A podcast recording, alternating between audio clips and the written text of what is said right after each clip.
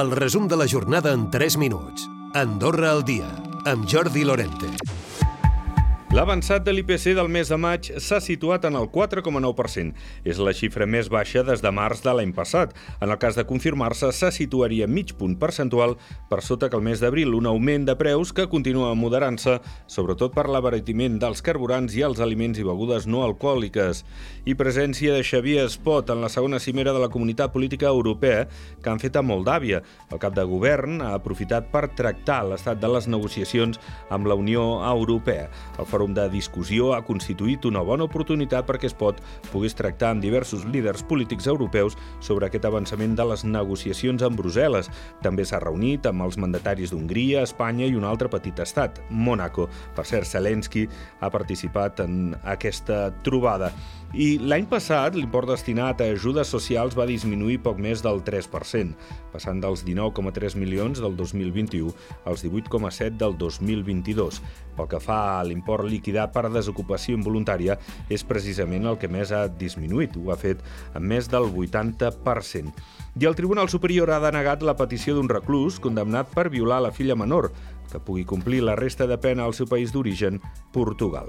Els fets van passar al març del 2016 i posteriorment se li va imposar 12 anys de presó per aquests eh, fets.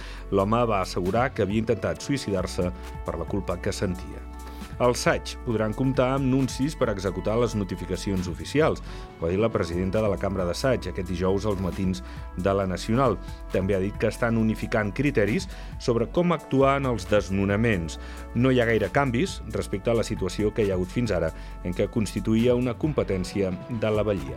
La presidenta de la Cambra de SAIG és la Lourdes Alonso. I aquí a Andorra és una cosa que, que, que es fa molt sovint i és que quan s'atribueix el termini a la persona perquè desocupi la vivenda de forma voluntària, normalment acostumen a fer-ho i dipositar les claus a la vallia.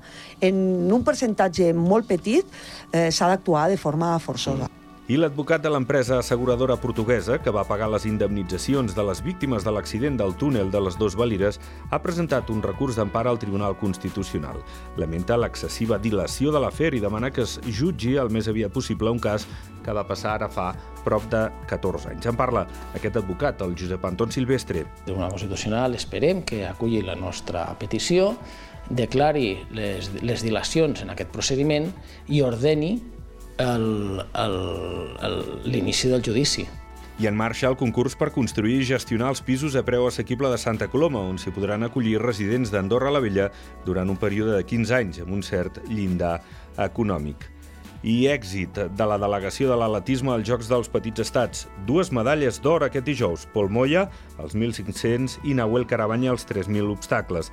També una plata per Dayan Huerta i un bronze per Xenia Mourelo, als 3.000 obstacles, i als 100 tanques, un bronze d'Erato Pagès. Recupera el resum de la jornada cada dia a AndorraDifusió.d i a les plataformes de podcast.